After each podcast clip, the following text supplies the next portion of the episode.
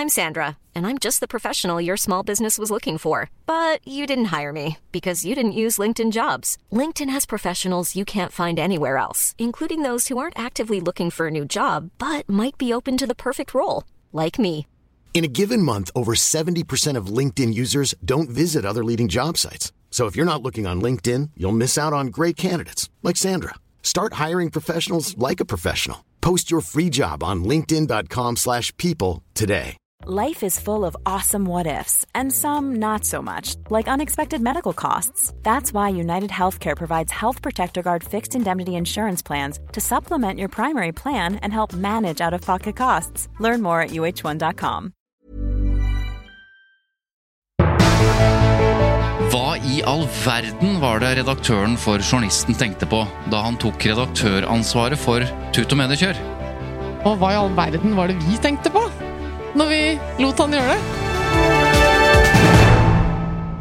Ja, det lurer vi på. Nja, vi lurer egentlig ikke på hva vi tenkte, men eh, ja, nei, la oss snakke litt om det, Svein Tore. La oss snakke litt om hvor vi er, Eva, for de mest observante lytterne hører at vi er jo ikke i studio. At det, er litt, eh, det blåser litt rundt oss, både fysisk og i overført betydning.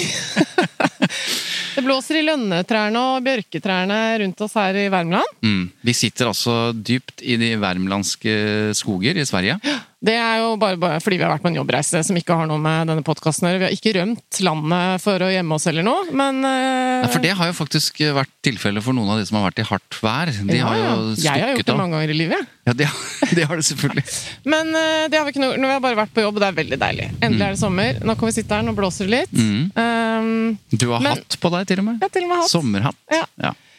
Vi har jo, eh, for eh, de som eh, lytter nå, da, hatt litt sånn drama denne uka. Det er ikke sikkert alle har fått det med seg, for tross alt så har dette foregått i en, i en del av mediene. En slags boble som består av bransjemediene pluss Dagbladet. Det fins folk i verden som ikke leser noen av de. Men jeg skulle tro at de som hører på nå, denne podkasten, oss, kanskje har fått det med seg. Så vi trenger ikke å ta en lang reprise. Nei, men, jeg kan prøve på en kort en, da. Ja. Eh, vi gikk ut eh, med følgende melding at vi har fått oss en ansvarlig redaktør. Mm. eh, I Roger Årli Grøndalen, som til daglig er redaktør for fagbladet journalisten.no. Eh, han tok kontakt med oss, og vi hadde en dialog i en stund og ble enige om at det syns vi var en god idé, til tross for at vi visste at det ville en del folk synes kanskje var rart. Spesielt fra hans perspektiv. Mm. Eh, Men vi tenkte nå i hvert fall at eh, siden det er så mange redaktører i bransjen som eh, sier til oss at det eneste som irriterer oss med dere, for dere gjør en god jobb og prisverdig, alt mulig sånn, er at dere ikke kan felles i PFU eller vurderes av PFU når vi syns det er ting som ikke er helt på stell. Hvis vi syns det. Mm. La oss ta den bakgrunnen, fordi dette springer ut ifra uh, nettopp det. Altså, vi har begynt å tenke på dette fordi redaktører vi intervjuer og snakker med Mm. off-mikrofon, og, og som vi er i kontakt med, har sagt nettopp det. Mm. At det er jo rart, det er et slags paradoks, da. For det første at det er PR-folk som lager en mediekritisk podkast. Mm. Men det er også et paradoks at dere kritiserer mediene for eh, presseetiske brudd, mens dere selv går fri fordi dere er ikke omfattet av ordningen. Det startet jo en diskusjon hos oss. Har vi noe å tjene på å ha redaktør? Er det bra for oss? Eh, Er det riktig? vært i dialog med Presseforbundet og, og liksom Ja. prøvd å finne ut hvordan er det det er mulig. Fordi for å kunne vurderes av Pressens faglige utvalg, så må man være eh, innunder Presseforbundets eh, ordning, da. Ikke sant? Så det vil si at eh, man kan opprette et medie med en ansvarlig redaktør og melde seg inn. Ja. Eh, Det kan jo ikke vi gjøre bare fordi at eh, vi har ikke noen redaktør, og det innebærer veldig mye arbeid som vi ikke har kapasitet til, så det, det trenger vi i så fall å sette bort til en som er redaktør av fag. Og så har vi eh, de siste årene siden vi starta vært i kontakt med NRK. Vi har snakket med Schibsted. Altså Schibsted har jo en egen podkastplattform som er gjerne da bak betalingsmur. Vi var i møter. Ja. Vi har hatt liksom dialog med flere mediehus om dette. Og vi hadde jo egentlig ikke lyst til å eh, ende inn i en plattform hvor vi eh, var bak en eh, betalingsløsning, fordi litt av greiene vi driver med her, er å nå ut til flest mulig med, med den kunnskapen vi prøver å formidle om, om hvordan journalistikken fungerer, da. Ja. Så det ga liksom ikke helt mening for oss å skape et eksklusivt nisjeprodukt for noen. Og så vet jo vi at selv om vi eh, leverer det som oppfattes som et eh, redaksjonelt produkt, Mm. men det er det ikke fordi redaksjonelle produkter må lages av redaksjonelle medarbeidere og redaksjonelle ansatte. Altså, make no mistake, vi vet jo at vi ikke er journalister. Vi Ja, er, men- vi er kommunikasjonsrådgivere til daglig. Ja da. Jeg har vært journalist, men vi er ikke journalister i virke. Vi er ikke medlemmer i Norsk Journalistlag. Nei da, men det er jo mange som eh, driver redaktørstyrte produkter som ikke er det. Det er jo masse podkaster som er under redaktøransvaret til Skipsted i Podme. Altså, jeg håper å si Kjendiser som har eh, moropodkaster, de er under denne ordningen og kan klages inn til PFU. Ja, og der har du litt Fordi de sånn har en redaktør i det mediehuset de da tilhører. Nettopp, la oss bare Eller i Podme. Bare. si litt om det. Altså, eh, Sigrid Bonde Tusvik og Lisa Tønne de Mm. driver en av Norges største podkaster. Før så drev de den sånn som vi driver, Mm. altså helt uten redaktør, helt uten egen plattform. Så blir de en del av Podmy og Skipsted, og der, dermed blir de automatisk redaktørstyrt. De står under redaktørplakaten Mm. og Vær varsom-plakaten. Eh, og det var det noen som forsøksvis problematiserte. Hvordan skal det gå, sånn som de holder på å snakke om folk, ikke sant? Mest fordi det da var mulig å se for seg at de må justere seg litt. Ja. Fordi det er en del ting de gjorde da det ikke var redaktørstyrt, som ikke hadde vært innafor presseetikken. Riktig. Og så kan man jo si de er jo ikke journalister. De er eh, humorister. De er businessfolk. Sigrid Bonde Tusvik tjente vel en 10-11 millioner kroner på sitt, sin virksomhet uh, i fjor. Uh, det må vi si er et kommersielt uh, si, kommersielt arbeid da, som humorist. Hun lever av noe annet. Men så er det der underholdning. Sant? Det, det, det defineres av veldig mange som underholdning. Mens vi, selv om vi ler litt innimellom og driver en slags infotainment, så oppfattes jo det vi gjør, ikke som et redaksjonelt produkt, men som et forsøk på å lage aktualitet og nyheter. Vi driver mediekritikk. Det oppfattes ikke som underholdning og bare, da. Nei, det er jo ikke nyheter. Det er ikke nyheter. Det vil si Vi snakker om nyheter, ofte. Ja. Fordi vi, vi snakker om pressens dekning av nyheter. Men nå er vi litt inne på noe, fordi det er jo nyheter det vi driver med i en bransjesetting. For Ja. det har jo resultert i, eh, som det også har kommet fram de siste dagene for folk som ikke har fått det med seg før, vi har samarbeidet med Medier24 og Journalisten, de to liksom bransjebladene. Vi har skrevet artikler på begge disse plattformene med våre egne navn som byland, som det heter, i samarbeid med de. Og da fremstår det jo i hvert fall for bransjelesernes øyne som, et, som en nyhet. Vi har f.eks. lagd en nyhet om at Aftenpostens redaktør Trine Eilertsen eh, hadde noen uttalelser om Hadia Tajik. Vi har hatt eh, vi har hatt nyheter i disse magasinene hvor eh, nyhetsredaktøren i Aftenposten gikk ut og sa at vi demper vår dekning som følge av de andres dekning. Det var første gangen en redaktør sa. Så bransjenyheter har vi vært med på å skape. Ikke sant? Så, så spørsmålet er er det sånn at Sigrid Bonde Tusvik og hennes like, influensere og humorister som lager eh, Ja, Myhre, spas, ja, som tjener masse penger ved siden av, som vi ikke vet helt hva de tjener penger på. Da. Så det er jo kommersielle bindinger vi ikke vet helt om. Men de lager jo underholdning. Men de er jo fortsatt under redaktørstyrt medium. Ja, altså Problemet ville være dersom noen da sa at det er annerledes fordi det er underholdning, for at det vil ikke mm, de som vurderer presseetikk nødvendigvis være enig i. da, ikke sant? Eh, Sportsjournalister vil jo ikke være enig i at det, det er annerledes med sport enn med løpende nyheter, fordi det er den samme redaktørplakaten, det er den samme Vær varsom-plakaten. Og det samme gjelder jo underholdning og underholdningsnyheter og sånn. Man kan ikke ha en andre regler der. Nei. Selv om folk kanskje tenker at man skal tåle mer fra Se og Hør enn fra andre ting, eksempel. Ja, eller Men det skal hvis, man ikke. hvis det er humor som drives under redaktørplakaten, så har jo humor, ifølge eh, Pressens faglige utvalg, en videre ramme. Ja. På samme måte som kommentarjournalistikk bør ha en videre ramme enn nyhetsjournalistikk. Så Ja, det er jo noen er avveininger der. Men det jeg tenkte på, at hvis vi hadde sagt ja og inngått et samarbeid med Skipsted og Podme, Mm. og blitt en del av det universet bak betalingsmur, ville og blitt redaktørstyrt og fått en redaktør. Mm. Ikke skrevet noen pressemelding på det, ikke, ikke, ikke gått ut høyt med dette. Hva ville diskusjonen blitt da? Ville, eh, ville For det er det som virkelig trigget dette, vi skal snakke oss litt gjennom det også, var jo at Alexandra Beverfjord, ansvarlig redaktør i Dagbladet, gikk ut med en veldig krass veldig krass eh, kritikk og eh, kalte dette ubegripelig samrøre. Ville den kritikken kommet hvis vi hadde ligget under eh, Podme? Eller er det sånn, og dette setter du på spissen ikke sant? Vi fikk ikke hvilken som helst redaktør i to dager. Vi fikk redaktøren for Fagbladet Journalisten, som eies av Norsk Journalistlag, som er fagforeningen til journalistene, som har bestemt De har hatt opp til debatt. De hadde opp til debatt skal vi inkludere kommunikasjon og kommunikasjonsrådgiver i vår medlemsmasse for å sørge for at vi er en sterk og voksende medlemsorganisasjon. Det sa de nei til. Det var politisk spørsmål. Vi skal ikke ha PR-folk inn. Og det var det veldig mange journalister som uh, takket uh, for. Og som vi uh, Jeg kan si at jeg er helt enig i den politiske beslutningen. Absolutt. Så det er jo det helt spesielle her, at det fagbladet som er eid av Norsk Journalistlag og representerer journalistene, tar redaktøransvar for noe som kommunikasjonsfolk og PR-folk gjør. Og det er her vi kommer tilbake til utgangsspørsmålet vårt. Hvordan i all verden kunne redaktøren og journalisten ta kontakt med oss og bli enige om et sånt samarbeid? Ja.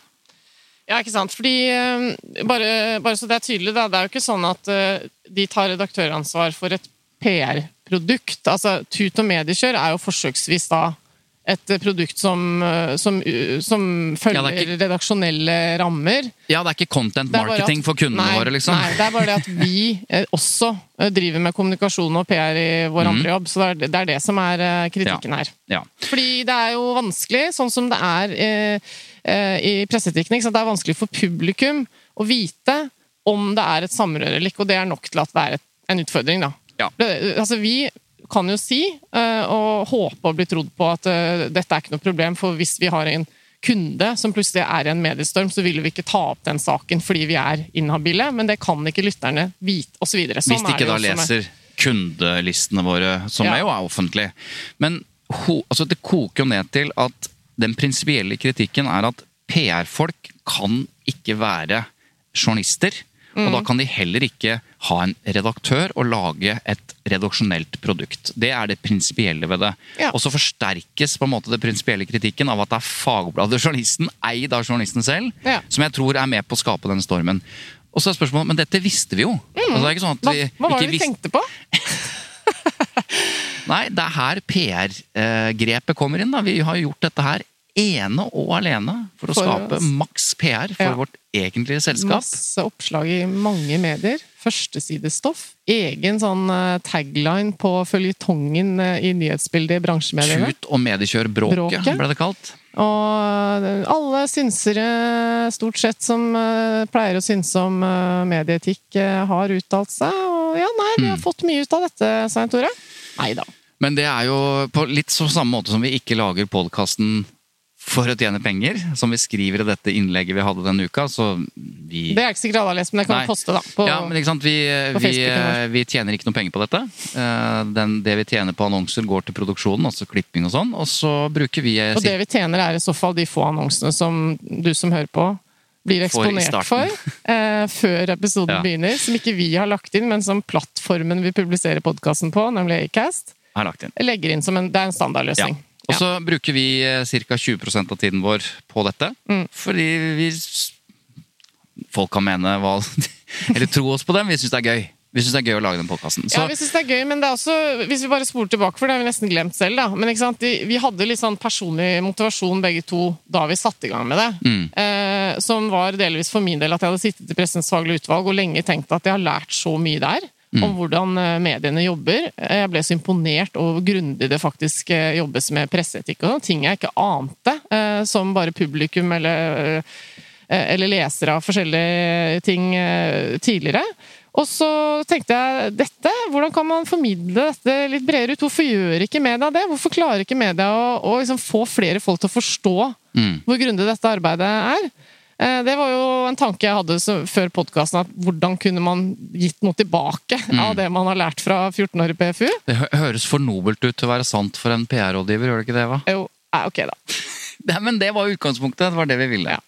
Men ehm, tilbake igjen til vi burde skjønt det. eh, redaktøren burde skjønt det. Vi visste jo at eh, dette var et helt nytt farvann. Altså, det er ingen redaktører så vidt meg kjent, som har tatt redaktøransvaret for et eh, program eller produkt eller en spalte som skrives eller lages av eh, PR-rådgivere. Så dette visste vi. Ja. Og så sa redaktøren også jeg er forberedt på kritikk. Så Ja, jeg er forberedt på det. Det syns vi jo var litt sånn overraskende og tøft. Ja, Ok, Hvis du er villig til å ta den kritikken og stå i den, og, og du mener at det er viktigere at, at vi blir redaktørstyrt og, og kan klages inn for Varsom-plakaten og stå til ansvar for det vi sier og gjør, og han mente at det, det jeg stoler på Jeg har Mm. hørt på dere i tre år, jeg stoler på at det skal vi klare å holde orden på. Og for de som ikke har lest alt, det er jo også sånn at dette styret De har jo et styre for journalisten, dette fagbladet, bl.a. representert ved eierne, Norsk Journalistlag. For et år tilbake, eller en stund tilbake, så, så ga styret i et styremøte beskjed til redaktøren at han kunne gå ut og søke mulig samarbeid med podkaster, deriblant Tut og Mediekjør. Så det, det er jo derfor, det er litt viktig. Da. Det er jo derfor Roger Årli Grøndalen gikk til oss og sa vi har diskutert i styret, de mener at vi bør eh, diskutere et samarbeid med dere. Og så gjorde vi det over en lang tid, og vi tenkte det var hyggelig at dere vil ta redaktøransvar. Det er ikke uproblematisk, men la oss forfølge den tanken. Og så blir vi enige om at la oss gjøre det. Og jeg gjentar, det er jo fordi veldig mange redaktører har sagt at dere bør være redaktørstyrt. Ja. Og så sier vi det, og så glemte redaktøren en veldig viktig ting. Han glemte å informere styret sitt om at nå inngår vi et samarbeid med Tut og Mediekjør. Og en liten ting til. Det styret var ikke det samme styret som ba han om å søke samarbeid med oss. Det hadde gått det et års tid siden sist. Ja, det var noen som hadde blitt byttet ut. Mm. Så det kan vi vel være enige om at det var for det første ikke så bra. Også, Litt uheldig, ja. og så blir dette forsterket av at uh, en eh, redaktør for en av de største mediene i Norge går ut og kliner til. Men det er jo litt Hva skal jeg si Ble vi overrasket? Ja, litt. Fordi uka før dette skjedde, så var vi på Nordiske mediedager i Bergen. Og vi lufta denne nyheten, som da ikke var offentlig, med skal Noen vi si, utvalgte. Mm. noen utvalgte eh, journalister og redaktører. Det var ingen som steila, for å si det, for å bruke en, en understatement. Tvert imot, vi fikk da ja. Det var en god, Det var en god idé. Ja. Dette var en Så vinn-vinn-løsning. kan det jo teoretisk sett være mulig at de ikke ville sagt eh, et ærlig svar til oss, men eh, ja, det er jeg enig i. Det virka, det virka som at det liksom Ja, det var jo en løsning. Det var en god løsning. For vi har også tenkt sånn Kanskje er det NRK som burde være vår, vårt mediehus, hvis noen. Fordi NRK har det i samfunnsoppdraget sitt i kringkastingsavtalen at de skal ta et spesielt ansvar for å bedrive eh, mediekritikk og liksom se, se Mm. seg selv i, i, eh, og, og sin egen bransje litt sånn ekstra i et kritisk lys, da. Mm. Men ja, det hadde blitt en debatt. For da, vi, kan jo, vi husker jo friskt Sofie Elise. Mm. den, det har noe likhetstrekk. Absolutt. Fordi at Sofie Elise har åpenbart kommersiell Hun driver en stor kommersiell virksomhet. Mm. Sikkert større enn vår, for alt jeg vet, men hun driver en kommersiell virksomhet. Og hun eh, legges under redaktøransvaret til NRK uten at de gjør fotarbeidet på det. Mm. Ja. Mm. Og de får massiv kritikk og ender opp med å måtte trekke nødbremsen. Dvs. Si, Sofie Elise sier 'dette gidder jeg ikke å være med på lenger'. Ja. Så Så det, jeg syns absolutt det er mange likhetstrekk, og der, sant, der må vi se oss selv litt utenfra. For der var jo vi også enige da vi diskuterte den saken, at det er jo ikke helt heldig og, og det, Jeg tror ikke at vi nødvendigvis hadde ikke kunnet leve med det, men det var veldig uryddig, og det virka ja, Det virka ikke som en veldig god idé, rett og slett.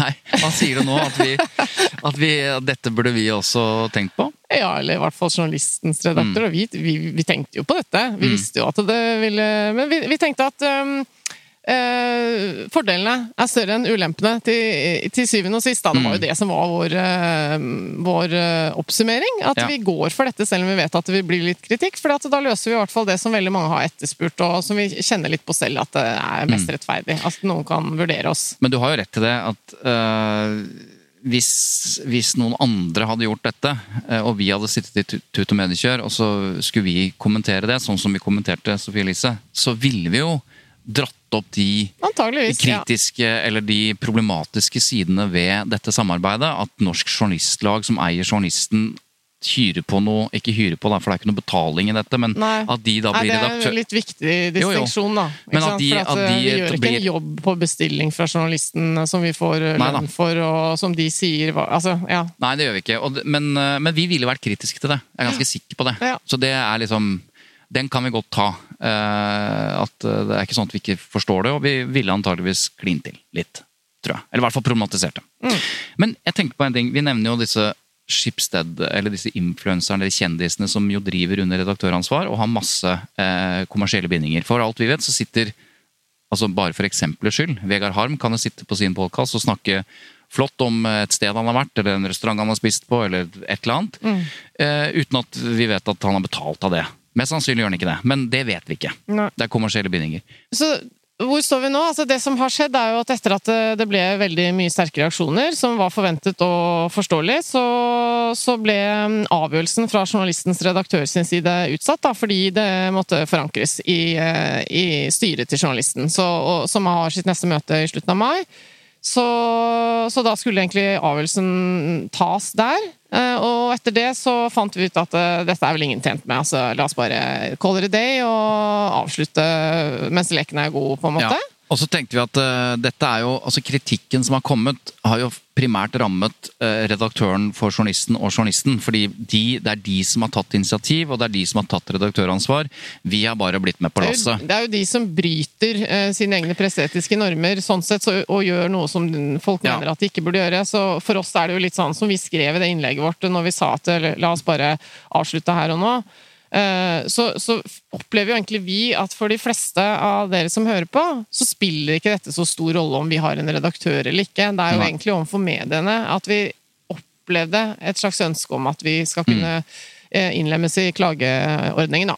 Men så, så, men så eh, det, altså det, det, som var også noe av grunnen til at vi sa ok, la oss stoppe nå. Mm. For vi så jo hvordan dette mediedrevet, i, i hvert fall i andedammen, eh, mhm, holdt på. Det har kommet nye kommentarer i dag, liksom.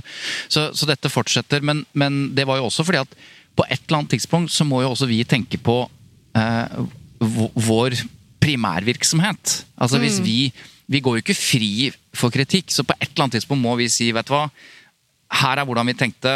Eh, La oss bare droppe det her, for det blir for mye, blir for mye støy. ja, Mener du droppe hele podkasten, eller droppe samarbeidet med det, redaktøren? Det har vi også det, vært inne på. Det vurderer vi jo månedlig. Vi vurderer å, å ikke møte opp på, på ja. podkast eh, fordi det tar så mye tid. Og det hender men, jo innimellom at det ikke kommer en episode ja. av samme grunn. Da. Nei, jeg men, mener egentlig bare ja. at vi vurderte Vi måtte også tenke på liksom, hva rammer dette oss, på en måte. Mm. Eh, og hvis vi bare fortsetter å stå i dette og, og liksom la uh, journalisten ja så, så, det var ganske åpenbart at eh, det kom til å bli en konklusjon på nei etter alle de Altså, det kan jo godt hende at eh, det forrige styret hadde sagt ok, dette er litt kontroversielt, men vi går for det. Og så mm. hadde man liksom fulgt planen med å ja. nemlig stå i kritikken, og så hadde det blitt lugna ned. Men eh, nå, nå ble det ikke sånn, og Nei. da var det like greit å bare men og så sier du hvor står vi nå? Nei, da står vi jo da uten redaktør, og vi har jo heller ikke aktivt søkt en eh, ny redaktør, men jeg må si den redaktøren som melder seg nå og sier du, jeg tar på meg det ansvaret for tutten Manager.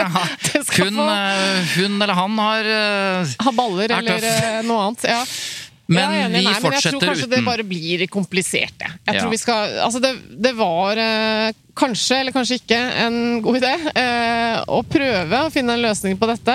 Mm. Men eh, jeg tror ikke vi skal Altså, vi får bare være utenfor eh, PFU-ordningen og prøve etter beste evne. Vi kjenner jo presseetikken veldig godt. Prøve etter beste evne, som vi har gjort hele veien, og, mm. og, og liksom lage dette produktet etter pressens eh, etiske regler. Eh, som innebærer at eh, hvis vi kritiserer folk, så må de få svare for seg, osv. Mm. Og så får vi håpe at um, det fortsetter, nemlig det at journalister og redaktører uh, villig stiller opp og svarer på spørsmål hos oss. Ja, tror sånn, du de gjør det nå etter denne runden? Kanskje ikke tør. men, men, jeg har lyst til å, selv om dette ble en uh, ekstremt navlebeskuende episode, men det handlet jo om at det er jo et sånt metaunivers her at det var veldig rart hvis vi skulle ikke snakke om dette, for dette ja. er jo liksom litt ja. det vi snakker om hver episode. Men jeg har lyst til, jeg må bare si tre kjappe ting. Én, ja. Roger Årle Grøndalen. Mm. For en utrolig fin fyr som har stått i altså Det oppleves som en kjempestorm for han, fordi det er hans fagblad, hans redaktør, eh, ja. hans vurderingsevne. Alt det blir vurdert og kritisert.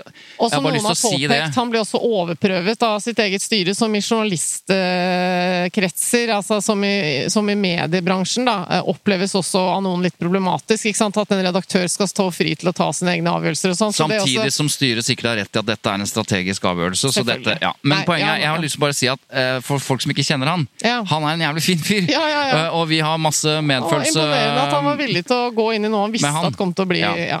Nummer to, vi har skrevet at det ikke finnes noe mediekritikk som drives eh, i Norge. Vi er liksom de eneste. Og det er det folk sier til oss også. Det er rart at noen som ikke er journalister, driver det. Mm. Og så er ikke det helt presis. Vi har blitt minnet på av bl.a. Anki Gerhardsen, som Mm. er en eh, frittstående skribent, tidligere journalist, som jo sier at vi driver jo en spalte i Aftenposten, medierevisjon osv., og, Ja. videre, og det har hun rett i. Ja da. Jeg har vel egentlig bare tenkt på at hun er jo ikke ansatt i Aftenposten for å drive mediekritikk, det er en ekstern Så Ja. vi glemte det. Ja, Sorry. ja. Nei, men altså, det som er, eh, det som er sant, syns jeg, er at uh, samtidig som uh, Tut og Mediekjør har uh, utviklet seg og vokst og fått en lytterskare, så har også mediene, i hvert fall sånn som jeg vurderer det, blitt litt flinkere til å, til å være opptatt av å synliggjøre for, sine, for sitt publikum hva de driver med, hvor, hvilke vurderinger de gjør. Så jeg vil si at det har skjedd en bedring.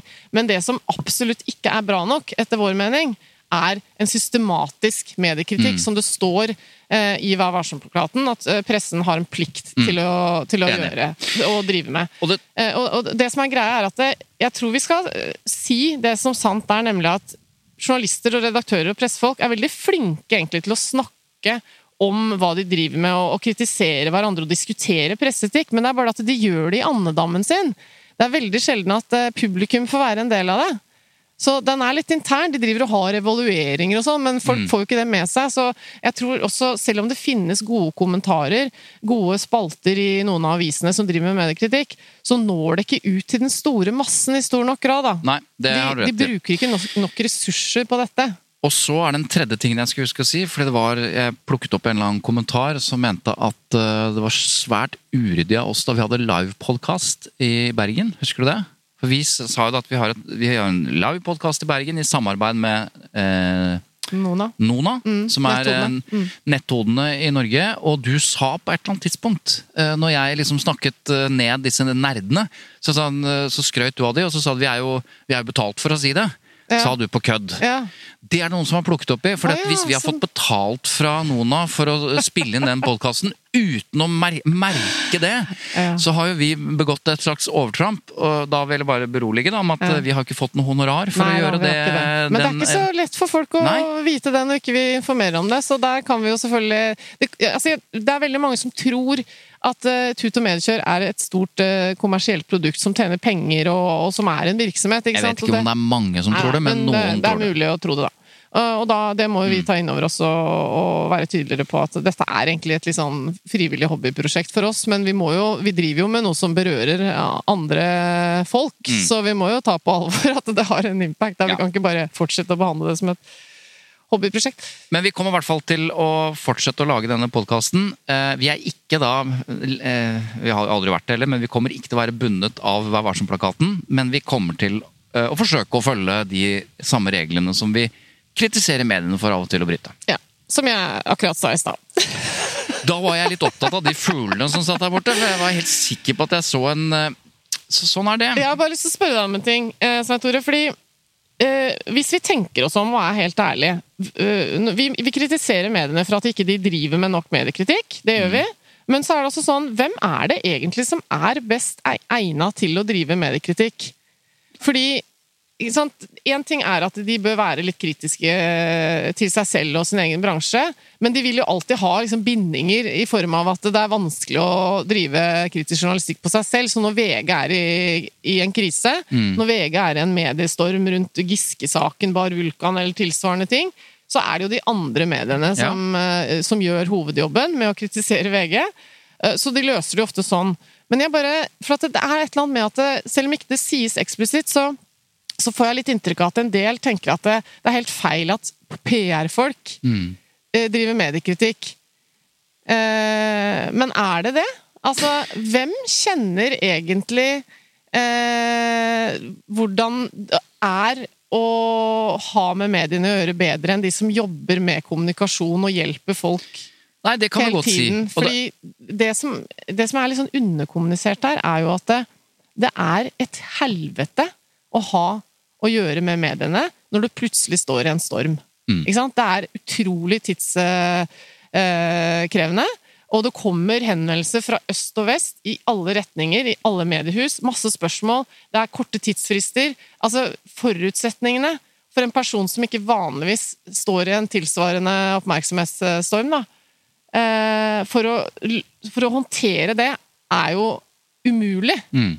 Samtidig som mediene er litt sånn irritert over at hvis noen da ringer eh, en kommunikasjonsrådgiver eller no, noen for å få hjelp til å håndtere det, så er det akkurat som det er litt sånn, litt sånn negativ ting. Er du ikke enig i at man får litt den, den Jo da. følelsen? Og det, og det er klart at øh, vi er vant til det, på en måte, å få den, øh, den, krit- eller, den mistenksomheten rundt det, som vi startet episoden med å snakke om, at sånn er det med altså Journalister og PR-folk de, de har et anstrengt forhold til hverandre. Men jeg er enig i at øh, Jeg er jo enig i at kom, de som jobber med kommunikasjon og medier, øh, har en forutsetning for å kunne mene noe øh, kvalifisert om, om hvordan de jobber. For vi ser hvordan de jobber nesten hver eneste dag. Ja. Men det er jo andre som kan drive den mediekritikken. og for eksempel, eh, altså et akademisk miljø. da, altså De som er medievitere, de som studerer mediene, de som jobber på høyskoler og universiteter og driver den type virksomhet. Som er helt fri for bindinger. De har bare en prisverdig eh, akademisk oppgave oppgave om å liksom forske på mediene og fortelle. De kan drive mediekritikk. ja, og vi heier opp. eh, vi, Altså, jeg tenker sånn at hvis noen eh, klarer å stable på beina et godt mediekritisk produkt, eh, og gjør den jobben vi gjør, eh, sånn at det når ut til massene, så kan vi jo kanskje liksom etter hvert tone oss selv ned, og så kan de ta over jobben. Ja. Og så, er- så fins det i hvert fall der ute. Og så skal de Altså, come on. Hvis en redaksjon Ja. i Norge innenfor Skipsted, A-media, TV 2, Egmont, Aller og gud veit hva.